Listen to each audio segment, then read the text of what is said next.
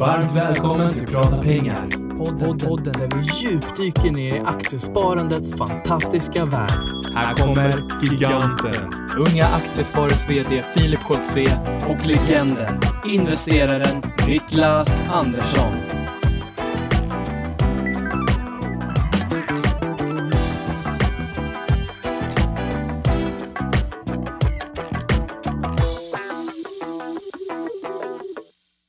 Då säger vi varmt välkomna till podden Prata pengar.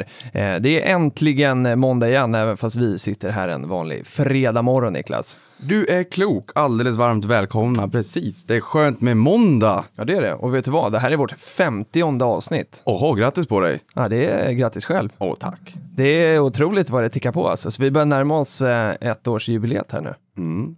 Tiden går fort. Ju äldre man blir, desto fortare går tiden, för man gör ju samma saker hela tiden. Så är det verkligen. Till och med podden nu med 50 avsnitt, nu blir det här också rutin. Ja, men, ja Så lite. livet går bara snabbare. Fast man försöker liksom utmana sig varje gång. Det är därför kul att vi- gäster ibland också. Vi får- pratar olika saker. Ja, det gör vi. Du, det har varit en hektisk vecka. Du, det har varit en ex- extremt hektisk vecka. Jag kommer faktiskt att tänka på det här innan vi började spela in och då sa jag att jag tänker ta upp min kalender och säga hur hektisk vecka vi har haft. Ja, Får jag göra det? Ja, det kan du absolut få göra. Jag tror, vi har gjort ganska mycket av de där grejerna tillsammans också, så kör på. Ja, för i måndags så var vi på EFN och då pratade vi om att stora bolag inte behöver vara tråkiga bolag. Nej. SSAB, enda, aktie, enda aktien i OMXS30 som har fördubblats i år, men likväl sämsta aktien om man tittar på fem år. Vi har pratat tidigare varför vi inte gillar att köpa bolaget. Sen var jag på Fidelity, på Fidelity Fonder på en presslunch på tisdagen. Och sen hade vi en aktieträff med 100 kvinnor på Avanza på tisdagskvällen. Sen så var det julbord med aktiespararna på onsdagen. Det gillar vi. Den garanterade avkastningen. Och sen var vi på Finansinspektionen på torsdagen och gjorde vad?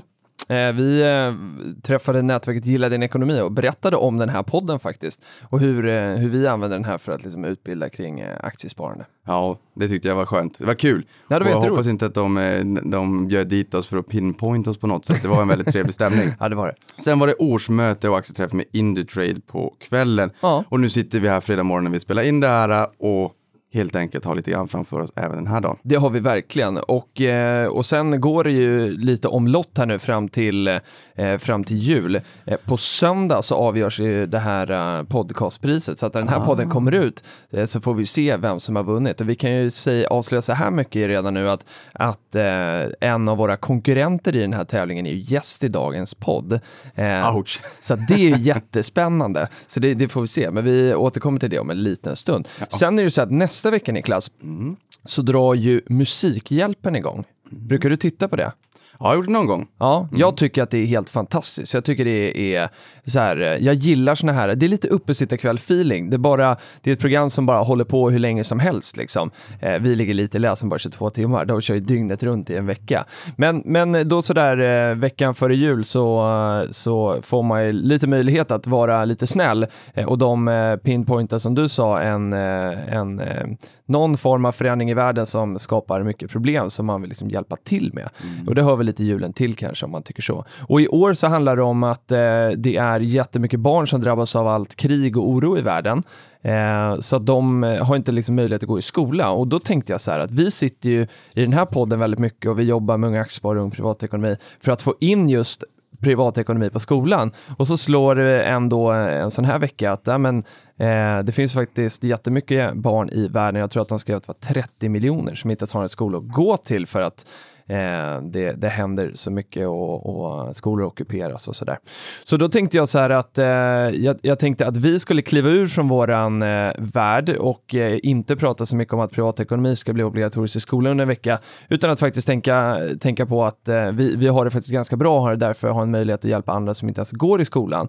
Så vet du vad jag har gjort? Jag har startat en sån här insamlingsbössa som heter Prata pengar, som man hittar på Musikhjälpens hemsida.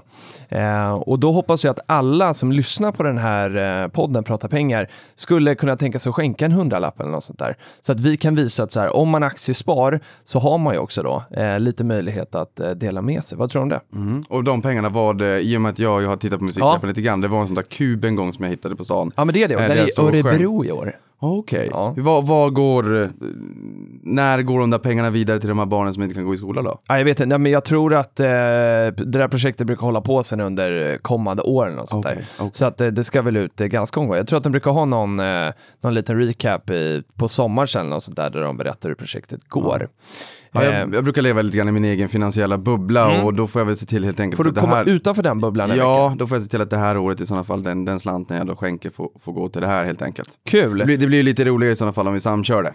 Ja men verkligen, och så är det det jag tänker. Liksom, låt oss visa Prata pengar-kraften här nu och så hjälps vi åt. Eh, Och vi kommer faktiskt också göra en liten rolig aktion i samband med det här.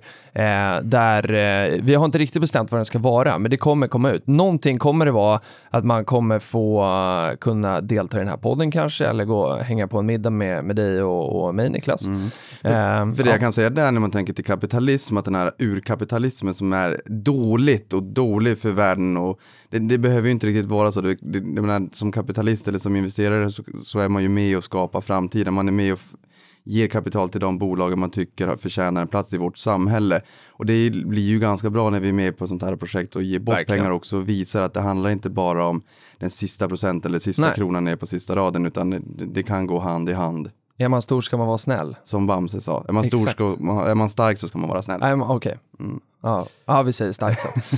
ja, nej, men det blir jättebra. Ni förstår vad vi menar. Eh, ja, men så, så kommer vi följa upp det lite grann under nästa vecka. Vi återkommer med den här eh, aktionen. Jag tror att det kan bli eh, något eh, riktigt eh, roligt. Ehm, sen så hittade jag en, eh, en tweet från i somras från Alex Hoang som sa att efter att ha lyssnat på Framgångspodden tillsammans med Mikael Syding borde han definitivt besöka Prata pengar. Hade varit superintressant. Eh, så att, och från den här Framgångspodden till sin egen podd 25 minuter så har vi nu vår eh, podcastpriset eh, konkurrent kollega Mikael Syding med oss. Varmt välkommen till Prata pengar. Tack så mycket. Hur, eh, hur känns det här? Ja, det är jättekul. Ja, vi, eh, du skrev en tweet på morgonen att det är en massa ungdomar som tvingar upp dig tidigt på morgonen. Ja, hur känns det själv att gå upp så här tidigt? Nej, det känns inte bra. Det spelar ingen roll vad Filip säger, det känns inte bra för jag är inte morgonmänniska. Det enda som får mig att gå upp den här tiden på morgonen är för att komma hit och prata pengar, för att det är roligt att prata aktier. Vi säger pengar, jag säger aktier, det är riktigt, riktigt kul. I annat fall så skulle jag absolut fyra av fem dagar i veckan sova den här tiden. Ja, min princip är ju att alltid vakna utan väckarklocka. Ja, och vaknar man med väckarklocka så har man gjort något fel, man har sovit för lite. Eh, nu använder inte jag väckarklocka idag heller, för någon annan väckte mig ännu Okej. mycket tidigare än vad som behövdes. Jag förstår. Ja, men det är kul att du kom upp och är här i alla fall. Det är väldigt mörkt de här eh, morgnarna alltså. Ja, himla kul att vara här i alla fall. Nu, Kul. nu är vi igång. Ja, nu är vi verkligen igång. Eh, Och vi ska prata allt möjligt här idag, men eh, jag tänkte eh, först då den här 25 minuter-podden. Vad, för de som inte har lyssnat på den, vad handlar den om? Personlig utveckling på Ja. alla möjliga olika sätt. Det är finansiellt och eh, kroppsligen. Det kan röra sig om, om träning, karriärtips, lycka. Allt, allting som, eh, som får dig själv att, att växa och bli en, en bättre person. Och då, eh, vi, vi pratade lite här innan om att eh, eh, hur mycket vi har försökt liksom trycka ut det här podcastpriset och du har ju verkligen kämpat. Så är det så att 25 minuter går och vinner här nu så säger vi grattis redan nu i och med att det här kommer ut efter. Ja, det, jag ser ju 25 minuter som en, en riktig underdog. Jag, jag tror att vi har minst antal lyssnare och man, man mäter det riktigt ordentligt. Men eh, jag tror att vi har kämpat hårdast av de fem som är nominerade. Och då, man förtjänar ju framgång också. Så att eh, vi, ja, vi får se på måndag helt enkelt. Det ska bli, ska bli jättekul att se. Jag skulle säga att är man liten då har man ju betydligt enklare att ha fina tillväxttal. Ja, exakt. Precis som de här småbolagen som kittlar lite grann i portföljen. Det är fina tillväxttal framåt, men är man en stor koloss kanske som Volvo, då är det inte lika enkelt. Ja, men exakt. Så det känns, ja men kul. Det är Ja. kul för oss och vi är också ganska små. Ja, det, ja, verkligen. I förhållande till giganterna som vi, som vi eh, mäts med. Men det är kul att vara nominerad i alla fall. Eh, så här då, Micke, vi, hade ju, vi har ju en tidning Stock Magazine eh, och du var ju intervjuad i den i vårt första nummer i år med rubriken Från stjärnförvaltare till pensionär vid 40. Eh, och det här är ju eh, jättespännande. Klickrubrik kan man nästan säga. Vad, eller så här, vem är Micke? Ja, det beror verkligen på vilket perspektiv man frågar. Ja. Eh, På ett sätt så kan man bara säga att, att jag är en, en mönsterigenkännare med tur. Eh, Jag tycker livet är spännande, jag är nyfiken på allting, jag försöker hitta mönster i tillvaron. Och eh, det är bland annat därför som, som jag tycker om att prata om personlig utveckling, för det, det är det det handlar om. Det är det som får människor och organismen att överleva, att man, man hittar mönster i tillvaron. Ehm, från ett lite mer professionellt perspektiv så, så är jag helt enkelt eh, jag är en hedgefondförvaltare. Eller jag var i 15 år inom Brummer och Partners. Mm. Ehm, där hamnade jag väldigt mycket eh, med hjälp av tur. Mhm. Och när jag väl var där så hade jag eh, fantastiskt duktiga kollegor som gjorde att jag aldrig blev avslöjad i mitt sätt att eh, leka kontor. Så eh, jag klarade mig hela vägen till jag kunde säga upp mig och, och därmed kan jag inte bli påkommen. Jag förstår. Men hur hamnar man på Brummer och Partners då? Du säger att du hade tur, men hur såg, eh, såg vägen dit ut? Ja, jag gick natur först i gymnasiet. Ehm, Efter det så var jag så skoltrött så att jag tänkte att eh, då håller jag på med, med ekonomi istället och det, liksom, det gjorde mig då till det svarta fåret i familjen så jag gick Handelshögskolan. Ehm, Och efter det så jag kom ut när det var ganska tuffa tider, 1994. Det var ju precis i sluttampen av den här liksom, riktigt djupa finanskrisen. Eh, så då, då tog jag eh, liksom första bästa jobb jag fick och det var mäklarassistent på någon liten tredje rangens eh, mäklarfirma. Men eh, ganska snabbt så tyckte de att ja, men du ska nog inte bara springa och hämta kaffe utan eh, du kan ju faktiskt försöka skriva en analys också. Eh, så, så då blev jag analytiker utan att egentligen riktigt veta vad, vad det var meningen att man skulle göra i finansbranschen. Nej. Och sen efter några år, då var det en, en, en annan firma, Swedbank, som hörde av sig och, och tyckte att vi behöver någon som bygger upp IT-analysen. Och det här var då 1996, så ganska väl tajmat strax efter liksom verkligen World Wide Web-revolutionen och Netscapes eh, notering. Eh, Så från 96 så blev jag ansvarig för att eh, analysera IT-bolag eh, på Swedbank Markets. Och, så var jag där under liksom just hela den här IT-håsen som slutade med en bubbla då, 96 till 00. Och, och tack vare det här så fick Ja, det är lite, lite speciella vägar, men, men så fick helt enkelt Brummer Partners upp ögonen för mig och eh, tyckte att ja, men, eh, vi behöver en, eh, en IT-analytiker och internal speaking partner eh, på vår hedgefond. Och, och jag, vi ska grotta ner oss i det här med hedgefond också, men, men eh, jag vill ändå bara backa tillbaka till den här 96 till 00 där med, med IT-boomen. för, för våra lyssnare som är i många fall unga aktiesparare så har man liksom inte varit med under den här perioden överhuvudtaget. Eh, då lekte man ju på gården och spelade band eller någonting sånt där. Hur var den där perioden? Och stämningen. Ja, exakt. Menar, vi har ju sett många bakåtblickande. P talen var över 100. Det spelade ingen roll om bolagen tjänade vinst där vid kulmen, utan det var framtiden som räknades. Lite grann som Instagram och WhatsApp när Facebook köper dem nu. Det är bara användarna som räknas, sen kommer vinsterna framåt. Hur, hur kändes det? Hur var stämningen? Ja, alltså, man behöver ingen tidsmaskin alls här. Stämningen var exakt som nu. Jaha. Nej, så får du inte säga. Alltså, att det- två- 2016 och är exakt likadant som 1999. Ehm, nej, eh, men, men det är klart att det här var det kanske inte var första gången som det var så här, eller det var det definitivt inte. Det var likadant när, när radion lanserades eh, tidigt 1900-tal till exempel. Eh, eller när, när bilarna kom. Eh, det, det är precis samma typ liksom av hås, men den har ju förstås alla vi glömt bort och har ingen känsla för. Nej. Eh, och det, det är väldigt få i branschen som har någon liksom, eh, riktigt minne av Nifty 50 då man också bara alltså, eh, på, på slutet av 60-talet köpte ett, ett gäng bolag oavsett pris och sa att liksom, bara man håller de här länge så, så kommer man alltid tjäna väldigt mycket pengar. Det här är liksom de bästa och oslagbara bolagen.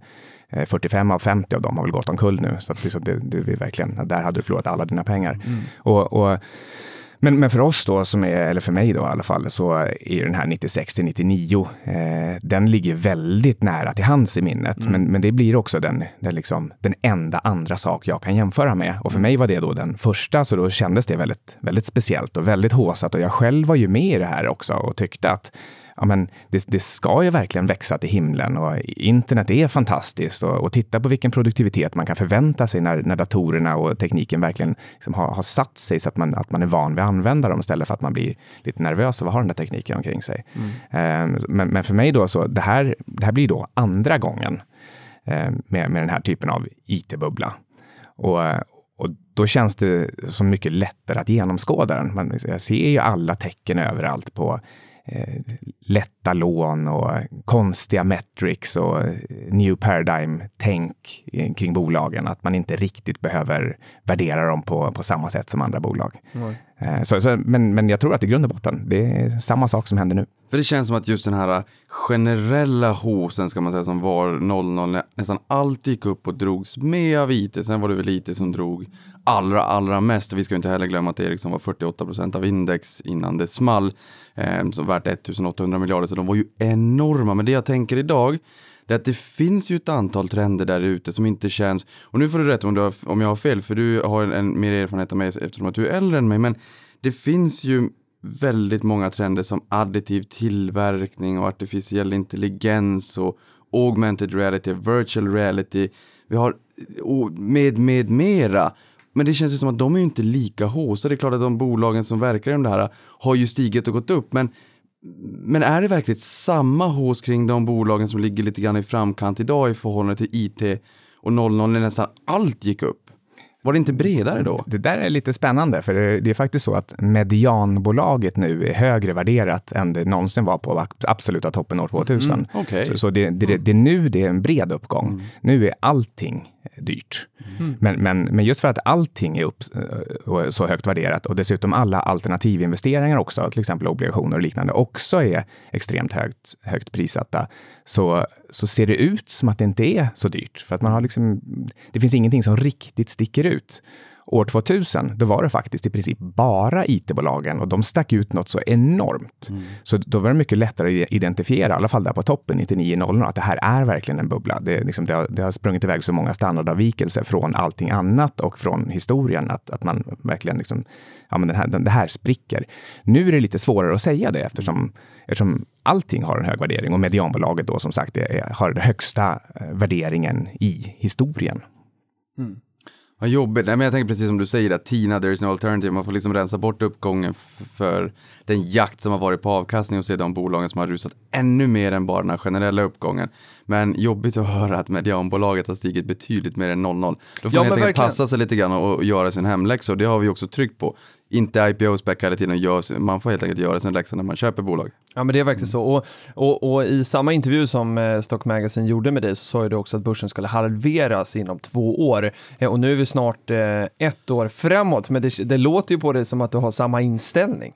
Ja, det har ju inte gått så himla bra liksom under just det året, men eh, sen den här intervjun. Men det, det är väl... Du har ju ett år kvar. Upp, upp några procent sen dess. Men, ja, nej, men jag, jag tror fortfarande att det ska halveras inom två år och eftersom jag också trodde det då, så hoppas jag väl lite grann att det ska ske inom ett år. Mm.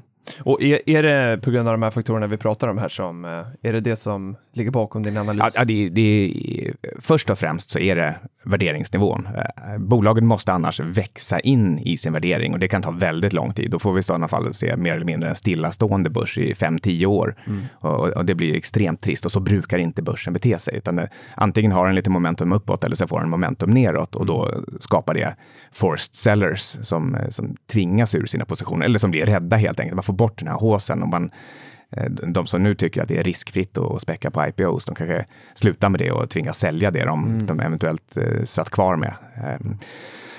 Um, för, det, alltså jag, för jag tänker på en grej där, vi var på ett event med Fontobel där de berättade just om uppgången från 2009. Börsen följde från 13 juli 2007 fram till slutet på oktober 2008 så fick vi Lehman Brothers kollaps i september 2008. Så att egentligen så följer börsen lika mycket från juli till september och sen så exakt lika mycket från Lehman Brothers eh, kollaps i september, bara på två månader så följer väldigt mycket där i slutet. Sen fick vi uppgången, P talen var väl kanske på 8, väldigt låga och sen så från dess så är multipelexpansionen 77 procent, eh, eller den uppgången från 2009 fram till idag utgörs till 77 procent av multipelexpansion.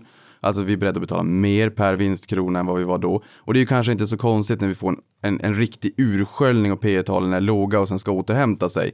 18 procent utdelning och 5 procent vinsttillväxt. Det jag, poängen här är att är det inte så att kommande vinsttillväxt som vi har pratat om under många år kan ta över stafettpinnen?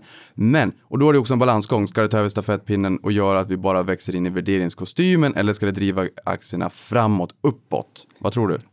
Som, eh, som jag ser det, så 2009 då om någon gång fanns det väl anledning att betala höga P-tal. För eh, då stod vi, oavsett om vi visste det eller inte, då stod vi med en nedtryckt ekonomi som antagligen då kunde studsa upp.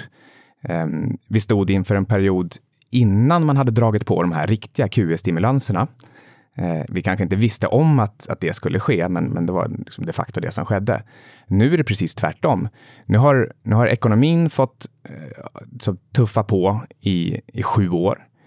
Eh, vi har haft QE och bara kraftigare och kraftigare QE under de här åren. Så, så man har verkligen blåst på med alla stimulanser man överhuvudtaget kan. Eh, lånemängden som har finansierat det här, den är uppe på, på highs. Eh, så, så nu har man ju liksom redan, kanske inte tömt ut, men man har verkligen ansträngt sig för att stimulera upp det här till en maximal nivå. Så det, det är snarare sannolikt med eh, en, att ekonomin taktar av och även att stimulanserna taktar av. Och då ska man ju verkligen betala lägre multiplar nu än, än man gör genomsnittligt historiskt. Och istället så betalar man de högsta. Mm. Kan inte du bara förklara snabbt eh, vad de här stimulanserna innebär för de som inte är med på det? Alltså det, det är ju knepigt att försöka förklara. Men eh, eh, alltså centralbankerna, eh, dels så, så har de extremt låg ränta, mm. alltså noll eller till och med negativ ränta i vissa fall. Och det här fortplantar sig då till banksystemet som gör att eh, vanliga människor och företag kan låna mycket, mycket billigare. Eh, och om man är en vanlig person, en vanlig privatperson som har lånat till, till huset och om du bara betalar 0,7 procents ränta istället för låt oss säga 5,7 procents ränta, mm. ja då får du en massa pengar över till konsumtion. Mm. Och den konsumtionen den ja, det, det, sprider sig i samhället så att de som tillverkar de där varorna, de, de eh, anställer fler och, och, producerar fler varor. Så att, så att BNP växer, företagen växer, vinsterna växer. Och det här gör man tack vare att det, liksom, det läcker ut pengar från till exempel hushållssektorn som slösar bort mindre pengar på lån. Så det är liksom en av mekanismerna.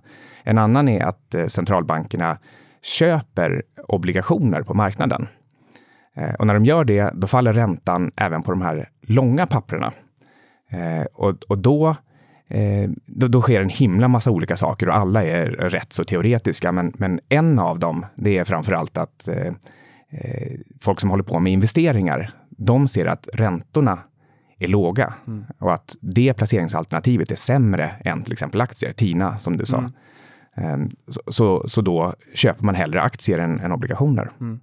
Just det. Och där vill jag flika in med en sak som är ganska intressant. För mm. när vi var på EFN så pratade vi om sektorrotation. Mm. Och det har ju varit en enorm sektorrotation. Och tittar man på defensiva aktier som Telia, Axfood, ICA med mm. flera så har vi fått se en, en riktig nedkörare i de aktierna. Och det är ju inte så att vi handlar mindre mat.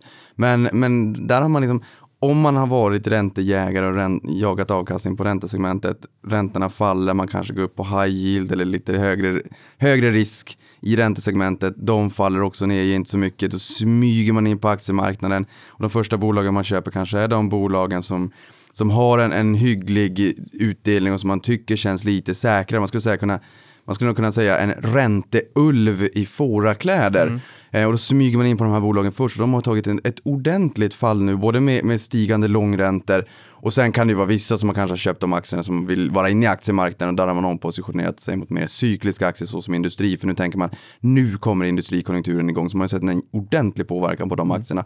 Men en sak till som jag bara vill fråga om här i och med att eh, Micke är, är lite bäsad, då vill jag först bara fråga, har du en stor björn i hallen hemma?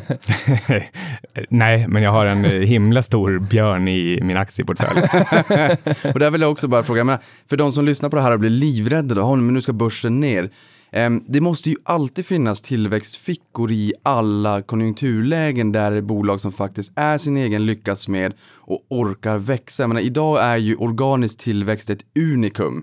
Men det måste, hur tänker du där? Det måste ju alltid finnas bolag som faktiskt lyckas växa oavsett klimat. Vi har sett bakterier som lyckas eh, leva i kärnkraftverk. det måste finnas de här bolagen. Det gör det absolut. Det är ingen tvekan om saken. Men det är bara att de är så himla mycket svårare att hitta nu. Mm. Och, och måste, ska du leta efter den här nålen i höstacken så är risken egentligen bara mest att du sticker dig på någonting annat. Mm. Och eh, jag tycker själv, men det är kanske lite ett privilegium för mig, att det är, det är lättare att hitta onoterade bolag som är, som är bra mm. värderade och som har en, en, en egen tillväxtkraft. Men då måste jag fråga där, för att eh, crowdfunding har blivit ett fenomen. Går du via crowdfunding eller, eller är det så att du blir approcherad eller hittar bolag själv via egna privata nätverk och får, får möjlighet att gå in både kanske som delägare med kapital och kanske även kunskap? Ja, jag blir eh, approcherad av, mm. av bolag. Mm. Och eh, vi har en bit kvar dit Niklas. Uh, ja, ja, nej, men, vi måste men just bli pensionerade vid 40 först. Ja, nej, men just det här, det är ju ett intressant skeende just det här med onoterat. Men, ja, men för de som inte blir approcherade av nej. bolag idag så är, så, så är ju crowdfunding ett mm. alternativ. Men där vill jag också säga, för crowdfunding är ett nytt fenomen, där får man ju verkligen göra sin hemläxa. Så är det. Jag tänkte att vi skulle gå vidare till det som eh, gjorde att du kanske blir approcherad av det här och din eh, tid som hedgefondförvaltare. Vi får eh, frågor ganska ofta, skulle jag ändå vilja säga, om just hedgefonder och vad det är. Och jag brukar alltid svara att det beror på. Är jag ute och cyklar då? Nej, det är helt rätt svar. Punkt. Nu kan vi gå hem. Vad, är din, vad, vad svarar du på en sån fråga? Här finns det också flera olika svar. Ett Ja. svar det är att det är helt enkelt fonder som gör vad de vill. Eh, Där kan man också sätta punkt. Eh, Ett annat svar det är att i Sverige så har vi någonting som heter en specialfondslagstiftning. Det, vill säga, det finns alltså egentligen inget legalt begrepp som heter hedgefond, utan det heter specialfond. Och en specialfond är en som har bett Finansinspektionen om särskilt tillstånd. Och i det tillståndet så preciserar man vad det är man vill göra. Hur mycket man vill kunna belåna portföljen, om man vill kunna blanka, i vilken utsträckning man vill kunna använda derivat, vilka länder och vilka branscher man vill kunna investera i, vilka tillgångsklasser. Det kanske inte bara är aktier, utan det är räntor och guld och valutor. Så som man hör, eh, man kan alltså be om tillstånd om egentligen precis vad som helst. Historiskt kanske man kan säga, och, och namnet etymologiskt, eh, hedge, det betyder ju att säkra sig. Så eh, det finns en typ av fonder som kallas för 130-30-fonder. De går 130 procent långa och 30 procent korta. Så att egentligen så ligger de eh, som vilken long only-fond som helst och är bara 100 procent långa. Alltså som vilken vanlig aktiefond som helst. Men så har de det här, eh, den här liksom lilla kryddan på toppen, att de dessutom är lite extra långa och de, och de pengarna har de fått från att, eh, att blanka andra aktier.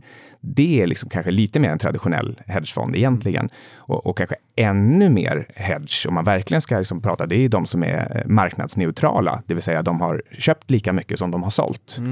Eh, Och då kan man till exempel, om man tar en extremt enkel variant, då är det lång Ericsson, kort Astra för samma belopp. Eh, Då har du ingen marknadsexponering, men du hoppas att skillnaden, att de här bolagen ska utveckla sig åt varsitt håll och så, så tjänar du pengar i båda benen. Alternativt att den ena går upp mer än den andra. Ehm, Men, men det är faktiskt den mest ovanliga formen av hedgefond. Ja, det så, det. ja, Okej. så egentligen finns det nästan inga riktiga Nej. hedgefonder, utan det vore, det vore bättre om de hette specialfonder så att folk Mm. förstod att här händer det helt enkelt bara speciella grejer. Ja, för det, jag tycker många svar som, eh, eller så som liksom diskussioner är ibland, att hedgefonder ska alltid skapa absolutavkastning, de ska liksom aldrig gå back. Är det en eh, rätt bild? Nej, det är, det är liksom rent nys egentligen. Mm. Alltså det är klart att eh, alla hoppas på det och, skulle vilja att det var så, men, men någonstans så du tar risk Mm. och, och, tar du inte risk så, eh, så kommer det inte hända saker i portföljen heller. Ehm, så, du kan nästan inte få uppsidan om du inte också har nedsiderisken. Sen kan du ha olika typer av regler som säger att så fort du börjar förlora en viss mängd pengar, då, ska du stoppa ut dig. Och, då kanske man möjligen kan säga att eh, nedsidan blir begränsad. Men fonden måste ju hela tiden starta om positionerna i alla fall och de kan ju likväl gå fel. Så det, det finns inga sätt att garantera. Det enda sättet att garantera att man inte går back, det är att garantera att man inte kan gå upp heller. Ja, just det. Det är ganska intressant det du säger att, eh, att eh, hedgefonder kan egentligen vara vad som helst och att det är ett väldigt, väldigt brett epitet. För jag drar mig till minnes att det fanns en hedgefond här för en tid sedan som in, investerade i internationella pokerspelare. Eh, och det gick inte så bra i slutändan. Jag hade inte investerat i, i, i jag ska kanske säga internationella, jag menar professionella. Jag hade inte investerat i professionella pokerspelare. För jag kan tycka att det finns de som är säkert jätteduktiga, men det kan gå lite hur som. Och sen har vi den här long term capital management också som eh, var, eh, som gick i konkurs va? Eller de, de, Ja, de gick i konkurs.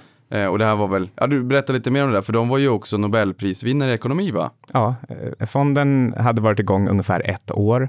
Deras idé var att ta sina matematiska och statistiska modeller och, och räkna på räntespreadar och, och ta positioner ut, ut efter det. Och eftersom de var så säkra på hur det här skulle röra sig så, så använde de extrem hävstång. Det rörde sig alltså om 15, 20, 25 gånger det egna kapitalet. Ehm, Och jag tror att det här sprang iväg till som mest 50 gånger också liksom innan den liksom stängdes, för då eh, det eskalerar ju då förstås när, när positionerna gick fel. Och, och vad som hände var att det blev en, en rubelkris i, eh, i Ryssland. Eh, Jag kommer inte ihåg exakt varför, men det hade säkert med oljepriset att göra. Och, och, och när det hände så, så spreadade olika typer av ränteinstrument isär mycket mer än vad de hade räknat skulle kunna hända på, på väldigt lång tid.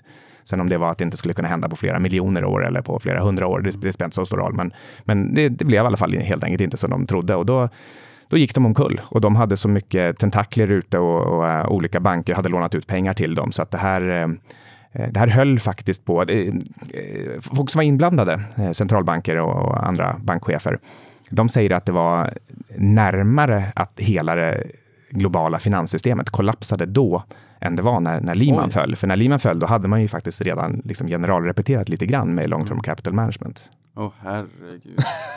Ja, men det här visar ju också på att eh, menar, även de absolut mest duktiga hjärnorna, eller vad man ska säga inom ja, citationstecken, men det handlar mycket om timing också. Det som du säger Mikael, de kan ju ha haft rätt, mm. men ute vid fel tidpunkt. De kan ha haft rätt om vi, hade, om vi tittar på ett antal miljoner år. Då kanske de flesta har rätt, för allt mycket inne händer på miljoner år. Men det visar ju att både mycket psykologi i marknaden, men även att man ska kunna försöka tajma. Jag menar, har man en hävstång på 50 gånger, går någonting upp 1% och sen får du 50% på dina egna pengar, det är ju en enorm hävstång. Mm jag skulle inte ens kunna sova om natten. Nej. Eh, det är väl tur att börsen kanske är stängd då, om det är svenska börsen de pratar om. Lite kul då att eh, amerikanska centralbanken eh, jobbar ju med ännu högre hävstång. Alltså mm. de har ju typ 200 gånger i hävstång nu. Mm. Men de spelar inte med samma spelregler, de fuskar ju. Ja, det är absolut de det. Men man kan säkert bara starta om den igen på något sätt. Mm. Men, men, men, det är lite intressant att man ser att long term capital management, de var liksom riktigt eh, vårdslösa, men centralbankerna är ju ännu mer vårdslösa. Mm. Så det där är ju egentligen kanske ett tips till de som lyssnar, just att historien är ju rolig att ha med sig. Så att in och ja, läs om long term capital management, läs på lite grann, för det här är lite roligt. Och apropå... Eh, liksom, Eller roligt, men... Ja, det är intressant. Och apropå historia då, liksom, det är ju, finansbranschen är ju liksom superspännande, det händer ju saker hela tiden. Och, och, eh, och jag och Niklas träffar många unga aktiesparare som, eh, som tycker att eh, ja, men man kan lyssna på en Micke Syding och tycka att här, den där vägen är ju superhäftig och vill gå samma väg. Eh, det finns fortfarande många som säger att de vill bli börsmäklare och sådär. Hur är din bild av att liksom finansbranschen har förändrats och har du liksom några tips till dem som vill gå en sån här väg? Finns den här vägen ens kvar? Och där vill jag också säga att vi, vi var ju på Finansinspektionen ja. igår. Vad var det Thedéen sa? Någonting med att fintech är sexigt. Ja, Han använder ett sånt uttryck ja. och det visar ju bara, det talar för den tiden mm. vi lever i lite grann. Men den kanske ser lite annorlunda ut. Mm. Ja, men i sådana fall då hellre jobba med just fintech, mm. det vill säga du ska kunna någonting tekniskt, mm. om det sen är liksom programmering eller systemering eller vad det nu är för någonting eh, så ska du försöka tänka i termer av att, att, att du gör eh, liksom, skyfflarna och, och inte, liksom, inte guldet i sig. Och, um, Eh, Eh, då ska du bygga system och sälja det till, till liksom lycksökarna, sälja det till de mäklare som trots allt finns kvar. Jag, jag, jag tror att branschen är krympande. Eh, bland annat för att allting automatiseras mer och mer mm. och för att jag tror att efter 35 år med fallande räntor så, så börjar vi, så har vi åtminstone nått en, eh, någon slags bottenformation och, och sen ska väl egentligen räntorna helst upp härifrån. Alla centralbanker vill ju ha inflation och vill ha högre räntor. Man liksom vill normalisera det här någon gång. Sen, sen dröjer det säkert längre än, än, än vad de eh, tror eller hoppas.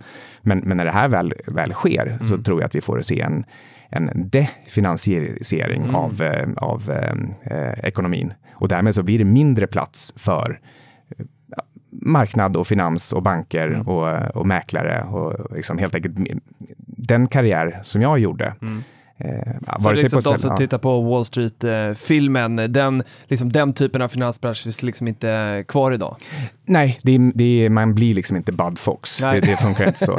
Eh, utan vad, vad det möjligen blir det att eh, du har gått eh, Eh, Lindek eller KTH eller någonting sånt. Och sen har du kryddat med lite ekonomi på toppen bara för att möjligen förstå ungefär vad det är för någonting. Och sen ska du utifrån det och möjligen också liksom ytterligare lite bred erfarenhet som du skaffar dig på andra håll kunna eh, programmera robotar för att lura andra robotar. Mm. Herregud. Vet, Philip, du pratade lite om, om uh, Oliver Stones uh, mm. Wall Street alldeles mm. precis. Den tänkte jag säga här i inledningen också med, med uh, Musikhjälpen mm. där. Mm. Just att the best commodity that I know of is information, det sa man redan 1987. Så just att kunna gå i skolan och kunskap ah, är en viktig tillgång. Micke, du pratade om, om räntenivåer och att det har varit fallande under väldigt många år, årtionden. Jag känner att du är lite grann av en tänkare och jag skulle vilja ha Eh, en liten kort utläggning på vad du tror om fallande räntenivåer med samtidigt som fonder med mera har explicita förvaltningsmandat som säger att man måste ha x antal procent i räntor. Vad tusan händer när vi ser negativa räntor? Vi har en åldrande demografi i Europa, människor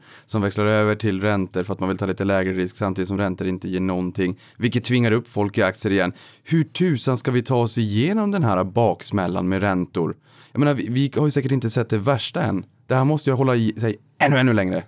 Ja, man har ju drivit det här liksom ett steg för långt, minst, än vad man borde ha gjort. Alltså redan 1996 när Alan Greenspan, som var eh, ordförande för amerikanska centralbanken då, då sa han det här har gått för långt. Liksom, se upp, ta det försiktigt nu. Det var, det var 96. Eh, och, och sen, sen, Sen sa han något annat. Sen, sen, sen ångrade han sig och så blåste han på extra och sen kom long term capital management-krisen 98 och då bestämde de sig för att det här ska aldrig få hända igen. Så att vi så nu ska vi verkligen blåsa på varenda gång vi, vi får chansen. Och så byggde man upp 2000-bubblan. Och sen när den sprack, för det gör den, när du har fått något tillräckligt högt upp, då, då drar lavinen igång. Det spelar ingen roll. Eh, då bestämde man sig för att ja, vi, vi skapar en husbubbla. Det är ju faktiskt ännu större tillgångsklass än, än aktier. Så liksom, om vi bara sänker räntan tillräckligt, då kan vi dra igång en husbubbla och då kan det få igång ekonomin. Ja, sagt och gjort, det lyckades, men den kraschar ju förstås också väldigt förutsägbart.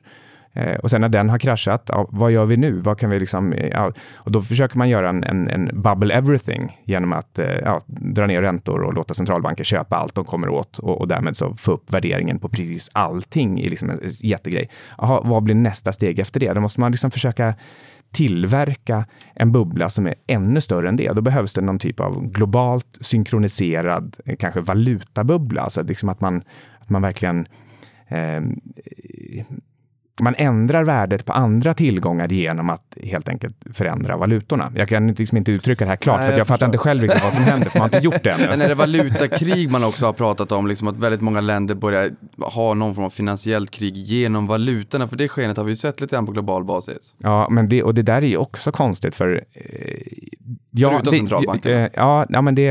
Eh, länder och centralbanker gör det. Och sen samtidigt när en sån sak som Brexit händer, och pundet faller, ja, då ska kla folk klaga på det. Alltså det, det.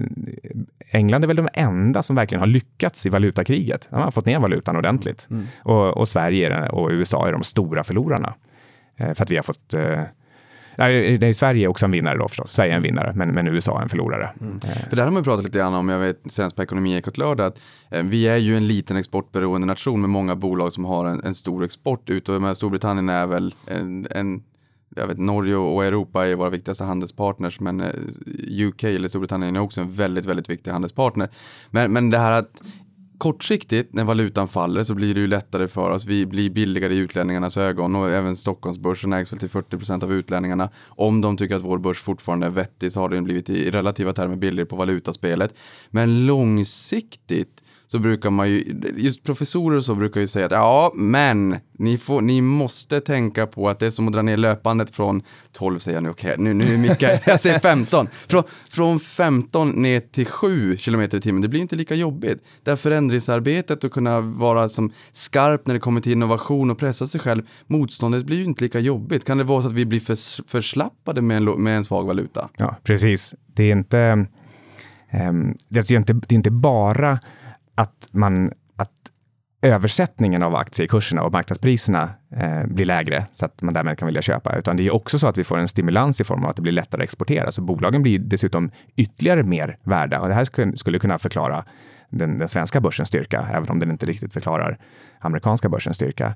Eh, och sen som det här du säger med löpandet, ja, men då brukar folk försvara sig med att ja, men då utnyttjar man de där den här sänkningen till 7 km i timmen genom att eh, bära med sig lite kettlebells och, och, och, och springa baklänges och annat. Så att vi håller oss i form i alla fall, fast på den nivån så vi verkligen utnyttjar den här superfördelen vi får.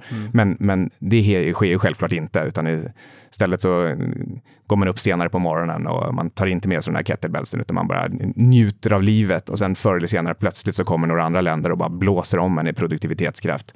Eh, Och, och, och det, det här är ju exakt vad som hände i, på 90-talet när, eh, och, och även, även 70-talet för den skull, när, när vi har devalve, devalverat i Sverige. Eh, man- tror att man är mer förberedda nu, men kanske, kanske liksom är lite lättare i en global värld att hålla koll på, på eh, lite olika parametrar och sådär. Men än i grund och botten, så, att, så, därmed så tar det längre tid innan den här förslappningen kommer. Eh, Men risken är då att när den väl kommer så, så blir det desto svårare att vända den. Just det. Vi ska gå vidare till eh, nästa fråga. Vi fick en eh, jättespännande fråga under hashtag prata pengar som, från spenderarbyxorna som eh, säger så här. Vad säger experterna? Och vi har ju i alla fall en expert här inne om Fingerprint. Sen hade jag velat veta vad han hade, vad spenderarbyxorna har för sparkvot, men det här får han skicka ut på Ja, det får pengar skicka. sen. Ja, det får jag. Mm, mm. Vad säger du Micke om eh, Fingerprint? Det har hänt lite grann nu i veckan kan man säga. Ja, eh, dagen innan kapitalmarknadsdagen så gick jag faktiskt in och tog en lång position. Eh, och höll den i några timmar och sen, sen sålde jag den. Eh, och sen då dagen efter så, så föll den ju 15 procent på, på förmiddagen. Eh, och jag tycker att på, liksom på den nivån som den ligger nu, eh, jag har inte tittat idag, men låt oss säga att den, att den ligger i eh, 68 kronor eller någonting sånt kanske. Så, eh, så tycker jag fortfarande att den här är för dyr. Okej. Jag, jag vet att eh, det finns flera stycken som säger att men det är lägsta P talet på Mm. i OMX30. Eh, det är en fantastisk teknik och så vidare. Mm. Men, men för mig så, jag tar ett steg tillbaka och så säger jag att ja, men det här för mig är ett enprodukts entekniksbolag. Och det är dessutom en underleverantör till mobilbranschen. Och mobiltelefonbranschen, de är extrema prispressare och särskilt när det gäller bara liksom små komponenter som är en hundradel av, av deras telefoner. Nu har det varit en period då fingeravtrycksläsare och särskilt snabba fingeravtrycksläsare, små fingeravtrycksläsare som, som man kan då bygga in i de, de bästa telefonerna. Ja, de har varit en riktigt eh, hög efterfrågan på. Eh, Och, och då, där har Fingerprint utan tvekan legat längst fram och det beror bland annat på att de har hållit på så länge. De har hållit på i 15-20 år och utvecklat de här innan det ens fanns en bransch för det. Det förklarar ju också varför kursen gick från 100 till 3 eh, från år 2000 och framåt. Liksom att det, var, det, var en, det var ju fel från början. De började för tidigt egentligen, men det gjorde ju då också att ja, de var uthålliga och då till slut så kom de in i sweet spot och var egentligen de enda tillverkarna med, med så här bra teknik. Men, men den här typen av teknologi, den kommer folk alltid fatt förr eller senare. Det, det finns en underliggande Moore's-lag i allting som har med halvledare att göra. Och ett fingeravtryck har bara en viss upplösning. Så förr eller senare så, så når eh, Fingerprints eh, maximum av vad du kan få ut av ett finger. Det är liksom inte, är inte möjligt att komma längre. Och då tar det bara några år och så är alla andra i fatt för att deras blir också dubbelt så bra varje år. Och är det det, för de, det var väl det de kommunicerade här också, att konkurrensen framåt eh, hårdnar liksom. Ja, och det ska inte komma som, som någon överraskning för någon. Nej. Det är liksom självklart. Eh, Och, och därför har de också försökt hitta vägar där just det här att ha eh, tunna och små och snabba eh, sensorer ska liksom ha en fördel. Och då har de tittat på kortmarknaden, att bygga in de här i, i kreditkort. Eh, och vi, vi får väl liksom se om det är en, en teknik som vi människor vill ha, om vi tycker att det är rimligt att ha det i, i, i kreditkorten. Ja, vill, vill vi ens ha kreditkorten? Vill vi inte ha det i telefonen som vi alltid har med oss och känner oss naken om vi glömmer hemma? Ja, det är, det, det är precis med min tanke. Alltså det, är eh, det känns som att, eh, för, för min del så är det eh, kreditkort onödiga. De, de borde kunna försvinna och det, och det finns, ju, finns ju redan lösningar. Amazon har någon, någon experimentanläggning där man inte ens tar fram någonting, vare sig kort eller telefon, utan, utan man, man blir igenkänd. Man bara går in och plockar grejerna, så går man ut och så känner den vad man har plockat med sig och sen så drar den av det från, från ditt konto. Det där såg jag faktiskt eh, var på, eh, eller det var en internationell konferens för, för lite olika eh, ja, men, eh, utbildningsprojekt inom liksom, privatekonomi. Och då var det några, en, en bank i Ryssland som hade en riktigt cool grej för, för ungdomar och, och, och barn som går i skolan som inte då, eller som tappar bort liksom, sina bankkort hela tiden. Så då hade de en, eh, vid deras, eh, där de ska låna böcker och när de ska köpa liksom, luncher och sådär, så håller de bara fram sin hand över en eh, sensor och så vet den vem det är och så drar den liksom, pengar. Och de hade inte valt då fingeravtryck utan kör någon liksom, handavläsning. Ja, det blir mer att läsa av och det är klart att om du inte behöver gömma dig i en liten, liten sensor, en mobiltelefon, ja, då kan du ta en mycket större del Ja. av kroppen och, och då blir det också säkrare. Så, så det, det finns alla möjliga sådana. Och en, en sak som jag också vill lyfta fram, jag vill inte liksom vara den här superbäsaren hela Nej, tiden. nej, det behöver inte Eh, vara. Men, men, det, är- men det är jag i alla fall. och, och, eh, ehm, Du är en bäsulv i fårakläder. Ja, och, det är liksom, man tittar på ett bolag som Fingerprint, då, de som är frälsta, de, de försöker hela tiden bara räkna på hur mycket ska det växa nästa år och vad ska vinsten bli då? Hur andel, stor andel ska de ta av massa nya marknader? Men det är väldigt sällan som man hör någon säga eller inse att bolag gör förlust också. Alltså alla möjliga bolag, hur stora och fina och gamla och genomtänkta de än är, så plötsligt så gör de förlust med enstaka år för att de får problem. Och det här gäller särskilt inom halvledare och, och olika typer av tekniksektorer. Så det är inte alls otänkbart att att Fingerprint skulle visa förlust 2019 för att de är ifatt sprungna eh, och, och sitter med för stor kostnadskostym och korten inte har kommit igång eller kanske inte ska komma igång. Så plötsligt visar de förlust 2019 istället för 5 miljarder i vinst. Just det. Jag Och- hade, vad, Ja. jag vad heter det nu, vill bara ha en liten kuriosa, att jag hade någon Schnapple hemma, någon dryck som Mm. Smakade, det. den smakade inte alls gott, jag la ut en sån där bild på Twitter på det. Men i korken på den så stod det precis, och, och Dr. Pepper Schnapple är ju ett noterat bolag då i Mm. Och då stod det precis som eh, fingeravtryck så är, har även tungan ett, eh, ett eget eh, avtryck så att säga. Men jag skulle nog inte vilja se sensorer framåt när man måste använda tungan och speciellt inte Nej, på nej, iskalla lyktstolpar.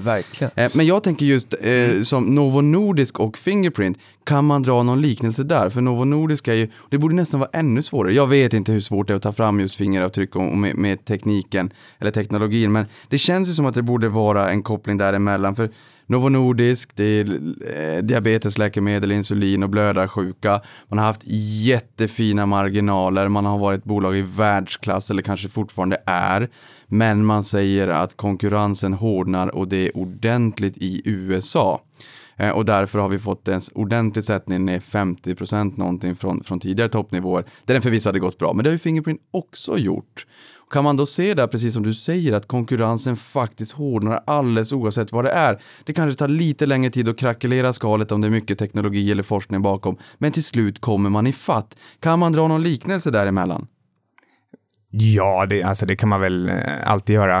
Um, en, en liten spaning är att ju, ju längre tiden går, desto mer har man visat de senaste decennierna att, eh, att churnen, eller liksom så här, omsättningshastigheten på topplistorna för bolag, den, den ökar. Och eh, varumärkesrisken har ökat och då brukar man då bedöma som att, att man tappar så att det är 20 procent av, eh, av marknadsvärdet eh, under, en, under en femårsperiod, plötsligt under en femårsperiod. Liksom att den, den risken har, har liksom stuckit i taket de senaste, senaste åren. Så att liksom, med hjälp av ny teknik, globalisering, internet, allting sånt här, så, så ökar risken för eh, befintliga bolag att bli ifattsprungna av konkurrenter och, och plötsligt då som överrumplade. Mm. Och det är egentligen lite grann det som du är ute efter här, att, att ja, men även ett bolag som Novo Nordisk, som man kan tycka är, ja, men det, här är det här är läkemedel, det är liksom en extrem distributionsapparat, det är, det är patent och, och eh, har du diabetes och är van vid att använda eller förskriva just eh, Novo Nordisk grejer så, så, så ändrar du inte så snabbt. Men, men till och med där så kan man liksom då se att tekniken gör att, att, eh, att, du kom, att folk, andra kommer i fatt. Eh, och, eh, och, och för ett bolag som, som faktiskt bara tillverkar en, en hård liten teknikpryl som inte är livsnödvändig på något sätt. Att, att där, där är det extremt snabba puckar. Jag tycker Och- det är lite tråkigt för de som har suttit på aktien och kanske bara haft just den här aktien Ja, men går ner verkligen. 44% year to date. Jag tycker inte, ha vad var det jag sa, utan jag blir, jag blir liksom lite, lite genuint ledsen för de människorna som kanske bara har den här aktien i portföljen och inte Mm. riskspridningen. Så där menar jag att riskspridning är alltid sunt. Ja, är Vi ska också komma ihåg att både Eh, både Ericsson och Nokia var nationalklenoder när det begav sig på noll, kring millennieskiftet. Den enda aktien man hade i många Ja, fall. ingen trodde att det skulle gå ner. Men just Nej. det, det, det är det jag också vill säga. Att förr i tiden så kunde man faktiskt möjligen motivera riktigt höga värderingar med att man hade någon typ av monopolskydd eller att man visste att statistiken säger att nej, så snabbt byts inte ett företag ut. Men, men nu, då byts de ut snabbare och snabbare. Det, det kan man liksom hitta faktiska siffror på. Det är ju bara att ta, ta, en, ta en lista på vilka bolag som ingick i OMX för 20 år sedan och se vilka som ingår nu till exempel. Eh, Men ändå så, så nu, i alla fall 2016, så, så värderar man bolag och tittar på bolag som om, om de tvärtom kommer ha längre staying power än någonsin. Alltså man, man, man tror liksom att Fingerprint ska vara marknadsledare för alltid snarare än det mest sannolika, att det är tre år. Och, och samma sak gäller inom massor med olika branscher och företag. Jag tror att jag har sett att de fem största bolagen i världen, samtliga fem är techbolag. För, men du säger att du inte vill eh, vara en sån superbäsare hela tiden. Har du några favoritaktier som du kan dela med dig av där du tycker att här, ja, men här, eh, det Det här gillar jag. Alltså det är, det är lite svårt. Jag, jag äger några bolag, Ja. men, de största innehaven är, är privata. Mm. Men, men det, jag, det jag faktiskt har i min portfölj eller funderar på, eh, alltså, jag äger till exempel eh, GIG, eh, Gaming Information Group. Det är Mhm. ett, eh, ett norskt, eh, eh, en plattform för hasardspel. Mm. Så de, de säljer de här till operatörer, alltså online-kasinon. Ehm, och, och, jag, jag tycker de ser ut att liksom ha bra momentum i, i affärerna. De, de, de säljer de här plattformarna hela tiden och, och, och sen dröjer det ju då innan det syns i intäkterna ordentligt de skapar en större och större eh, som kundbas. Eh, och, möjligen så kan man påstå att värderingen inte riktigt har hunnit komma ikapp eh, eftersom man inte har sett vinsterna ännu. Men, men hör, liksom, jag drar ju liksom på orden Ja, även här, trots, trots att, trots att jag, jag, jag äger den här. Eh, sen har jag Peptonic också, Peptonic Medical. Mhm. Det är liksom ett, ett pyttelitet förhoppningsbolag som håller på med oxytocin, eh, det här, det här bondinghormonet. Det, det gör jag ju mest för att det är en, eh, en bekants mamma som har upptäckt det här oxytocinet och sen, sen byggt ett bolag kring det. Men, men där är det ju så att, eh, och det har redan hänt också, deras första studie misslyckades, då föll den 80 procent på två dagar. Oj. Eh, Så, så liksom, det är sånt man får vara beredd på Ja. i, i den här typen av bolag. Och, och det, Hög just, risk. Ja, just nu håller de på med en klinisk studie igen och den kan ju också misslyckas. Det, det, det vet man inte hur spännande det där hormonet än är. Så det här är verkligen ett, ett enproduktsbolag som inte ens har en produkt ännu. Nej. Ehm, jag har tittat rätt mycket och pratat rätt mycket offentligt också om, om Opus, eh, det här eh, bilbesiktningsföretaget. Mm. Men de har ju då liksom förstås utsatts för politisk risk att eh, eh, Sverige vill ändra, eller Europa, Sverige vill ändra besiktningsintervallet till Mm. europeisk standard och då blir det färre bilbesiktningar och liksom färre intäkter. Men de, de har en massa andra intäktskällor och en, och en sekulär tillväxt på andra marknader, inte minst i USA och det har med liksom miljömätningar att göra. Men även där så är det, det är prispress. Så att liksom, det, det är klart det finns alltid problem, men, men Opus är en sån som jag hela tiden tittar på och, och, och liksom letar efter tillfällen att, att öka. Men just nu har jag inga Opus. Och där drar vi Okej. tvärnit på Opus. är det inte så att vi fick besked igår från politiskt håll att man faktiskt slår ner på det här intervallet om, om, eh, om att eh, få besikta på, i kortare eller längre intervaller än ett år. Jag tror att man nu att man har sagt nej till det här och att det är ett år som gäller. Jag tror att det kom besked om det igår. Ja, gjorde det? Ja. Vi får dubbelkolla det i så fall. Mm. Men konkurrensen eh, hårdnar i alla fall. Jag tycker när man åker på de stora vägarna i Sverige så ser man massor med skyltar med nya sådana här typer av bolag. Men jag tycker att det, är en, det- är en viktig grej som, som Micke säger just om politisk risk och det Ja. där är det svårt att ta till sig som lekman men man skulle kunna grotta ner ett helt avsnitt på det, Ja, eller säkert en avsnittsserie på politiska förändringar som påverkar bolagsintäkter med mera, med mera. Det är svår materia. Och, och på tal om det, jag har ju liksom ett bolag till. Det är faktiskt mitt, eh, mitt, mitt största noterade innehav. Det är Studsvik. Där har vi verkligen politisk risk. Alltså, det, är verkligen, det, det handlar om att antingen så ska man accelerera bygget av, av kärnkraftverk. Då får de, de mycket att göra. Eller så ska man bestämma sig för att lägga ner kärnkraft i större utsträckning. Då får de också mycket att göra. Att ta hand om liksom alltihop, analysera all, allting. Även om de har, de har ju sålt avfallshanteringen, men det blir mycket annat eh, Bra merarbete att göra. Det känns binärt. Det är så, och, det, och sen har vi vård och vi har skola och vi har mycket politik. Så har spelbolagen. Så det är mycket politik som man inte tänker på. Och jag tänker så här att vi ska, vi ska avrunda lite med att och fråga dig hur, eller så här, vilka är dina bästa tips till våra lyssnare? Och, och lite utifrån att du har den erfarenheten du har. För nu när vi lyssnar på dig så den situationen som du är i, eh, som i idag kan köpa en hel del onoterat och kanske har möjlighet att ta en annan risk på, på, på börsen. Det kanske inte passar liksom alla. Så vad, vad är det du vill skicka med till våra lyssnare, framförallt de lite yngre? Alltså när det gäller aktiehandel och investeringar så, så det finns det liksom några ledord. Jag tror att de möjligen kan vara lite överraskande för, för någon som inte har tänkt på det här tidigare. Utan det, det är lätt att tro att man ska, man ska vara duktig på att- räkna och sätta upp perfekta modeller och, och hitta, hitta massa liksom specialinformation som ingen annan har. Eh, Liksom lite som, som Bud Fox då i Ja. ursprungliga Wall Street-filmen. Så, det tror jag absolut inte funkar längre. Nej. Utan, utan det här handlar mer om psykologi. psykologi. Man ska liksom vara, man ska uppvisa en viss typ av känslokyla så att man inte själv påverkas av, eh, av, av sina investeringar. Det vill säga man ska se till att alla beslut man tar, de ska tas utan att amygdalan är inkopplad, det vill säga utan att du har någon typ av panik eller känsla av att, att det är bråttom. Är det bråttom, om du har den känslan, så bara gå ut och ta ett varv runt kvarteret istället. Så du ska inte handla då om du känner att nu, nu måste, nu måste jag, jag ligger efter. Eh, för, förutom den här kylan då, så så ska du gärna upp, liksom vara allmänt liksom strategisk och systematisk. Strategisk i, i betydelsen att, att verkligen tänka efter. Vad är liksom själva huvudmålet här? Det stora, långa målet. Vad, vad är det jag faktiskt vill med de här investeringarna? Eh, systematisk, ja det är att eh, eh, ta anteckningar på ett, på ett särskilt sätt. Jag brukar prata om common placing. Eh, att man, ehm, man, man för en, en typ av beslutsdagbok om alla sina investeringar. Ehm, vad, vad har jag gjort för misstag? Varför kunde jag gjort det något annorlunda? Eh, hur, varför vann jag i den här affären? Varför, varför tjänade jag pengar på den? Gick det som jag trodde eller var det tur?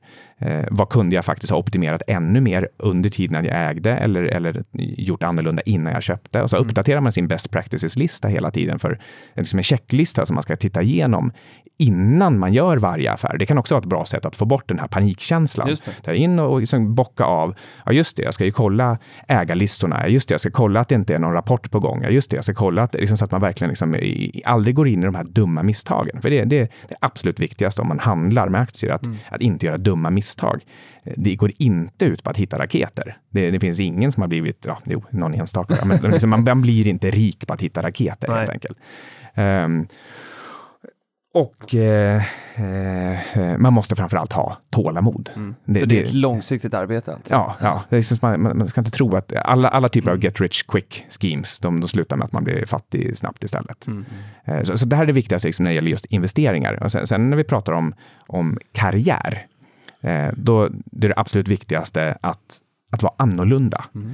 Du ska liksom inte gå på Handels och läsa finansiell ekonomi och sen komma ut och tro att nu ska jag bli hedgefondförvaltare. Det är liksom det, det, är det absolut tröttaste du kan göra. Det är, den, den, den, största sannolikheten då, det, det, är bara att du blir du blir konsult någonstans. Okay. Det är inget fel med det, men, men, Nej, men du, kommer, du kommer inte bli den där liksom superhäftiga eh, förvaltaren som, som glassar runt och gör massa bra affärer. Nej. Eh, ska du in på finansmarknaden nu, då ska du antagligen gå en teknisk högskola. Mm. Göra något helt annat. Jag tycker det är jättebra ja, tips. Just känslor, otroligt viktigt. Psykologi pratar vi mm. om hur mycket som helst. Det mm. påverkas. Vi är förmodligen vår egen största fiende när det kommer till ett långsiktigt bra sparande, just psykologisk dimension men även våra känslor som vi får.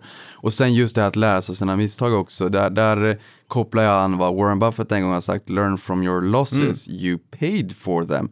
Och att man då lär sig från sina misstag, skriver den dagboken som du säger, best practice, för man har ju själv betalt för mm. misstagen man har gjort. Och är det då så att man lär sig de här misstagen, då har man ju fått ut ett värde mm. av misstagen. Och gör misstagen idag istället, när ni, istället för i slutet på durationen i er portfölj.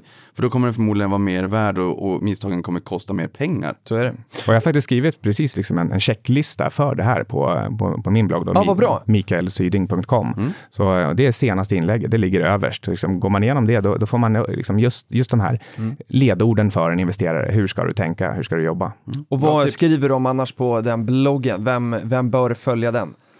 Uh, unga ambitiösa personer som, uh, som vill uppnå maximal effektivitet och lycka i tillvaron. Så hitta sig själva, hitta sin, sin väg som gör att man känner sig framgångsrik. Mm. Och det här spänner över liksom, teman från uh, från, från karriär till utbildning till eh, hur man har roligt, hur man eh, faktiskt hittar vad man själv tycker är kul, så att man inte bara tror att, att vad som är roligt är att köpa fina kläder och dyra bilar. Nej. För, för liksom det är oftast inte roligt i sig, utan då, den gör du ofta för någon annan, mm. vilket jag liksom försöker eh, få bort folk från. Mm. Jättebra. Vi hinner faktiskt inte mer än så idag, Niklas. Är det, eller vill du köra ett jätte, jättesnabbt? Okej, okay, jättesnabbt, jätte, jättesnabbt. Och då, då är det inte alla punkter du har skrivit ner här, nej, utan två. supersnabbt. De två absolut men, viktigaste. Men två, då måste man ju... Då, måste jag sätter igång istället. Okej, okay, men jag tar, jag, jag, tar tre då. Tre, just för tre. Europeiska centralbanken kom ja. ju ut igår och sa att man kommer, man lämnar räntan oförändrad, men man förlänger stödköpen till och med mm. december 2017. Så där får vi också se vad Federal Reserve gör i USA. Mm. HBO gör en dokumentär om Warren Buffetts liv. Ja, det ska vi kolla på. Ja, nu har vi inte tid med det. In the trade, och den har inte ens kommit än. Indutrade har växt 17% per år sedan 1978 när de grundades. De IPOdes 2005. Då sa Dagens Industri att det var lika sexigt som en stenkross. Men det har varit en väldigt fin investering. Audi börjar eh, prata med trafikljus. Ja. Bilarna börjar prata med trafikljusen tycker jag är spännande. Nya all time high i USA hela, hela, hela tiden. Spiltan fyller 30 år. Starbucks ska öppna 12 000 nya kaféer. det vill säga sex om dagen. Det här är fram till Ja, jag 2021. såg Man öppnar alltså 50% fler kaféer. De har gått upp 17 000 procent sedan 92. Det här sa man i Motley Fool Money, deras senaste podcast i USA. Det är en bra Ja. podd för övrigt. Kinneviks vd avgår med, med omedelbar verkan. Jag tycker att det låter väldigt hårt. Han sitter kvar i vissa styrelser, det mjukar upp det. Han har levererat 2,89%, minus 2,89% sedan han tillträdde 1 maj 2014. Det har varit en utmanande tid. Det är inte hans fel, det är så det ser ut. Eller jag vet inte om det är hans fel eller inte, men det är så det ser ut i alla fall. Net Entertainment tar steget in i Latinamerika via ett avtal för att få in sina, sin, sin plattform i Mexiko. Superbra. Nu klarar vi oss under timmen också. Eller, Och, och, ja, och Ja. sju av årets elva månader är på plus. Det är Ah. ett faktum. Första halvåret har varit jättejobbigt. Sju av elva månader är dock på plus. Se där. Ja. Grymt. Jättetack Niklas. Och ni som tyckte det gick för snabbt får spola tillbaka och dra ner hastigheten lite Till grann. 0,5. Eh, glöm inte att eh, gå in på, på Musikhjälpen och hjälp eh, Prata pengar att hjälpa andra. Eh, vi samlar lite kraft tillsammans under den här veckan, så häng med oss. Och jättetack till dig Micke för att du ville komma hit. Tack så mycket. Du är varmt välkommen tillbaka. Ska in och läsa bloggen där. Så får vi, ja, jättespännande i alla fall. Jättetack Niklas. Tack dig själv. Patrik. Tack för oss. Hej. Hej!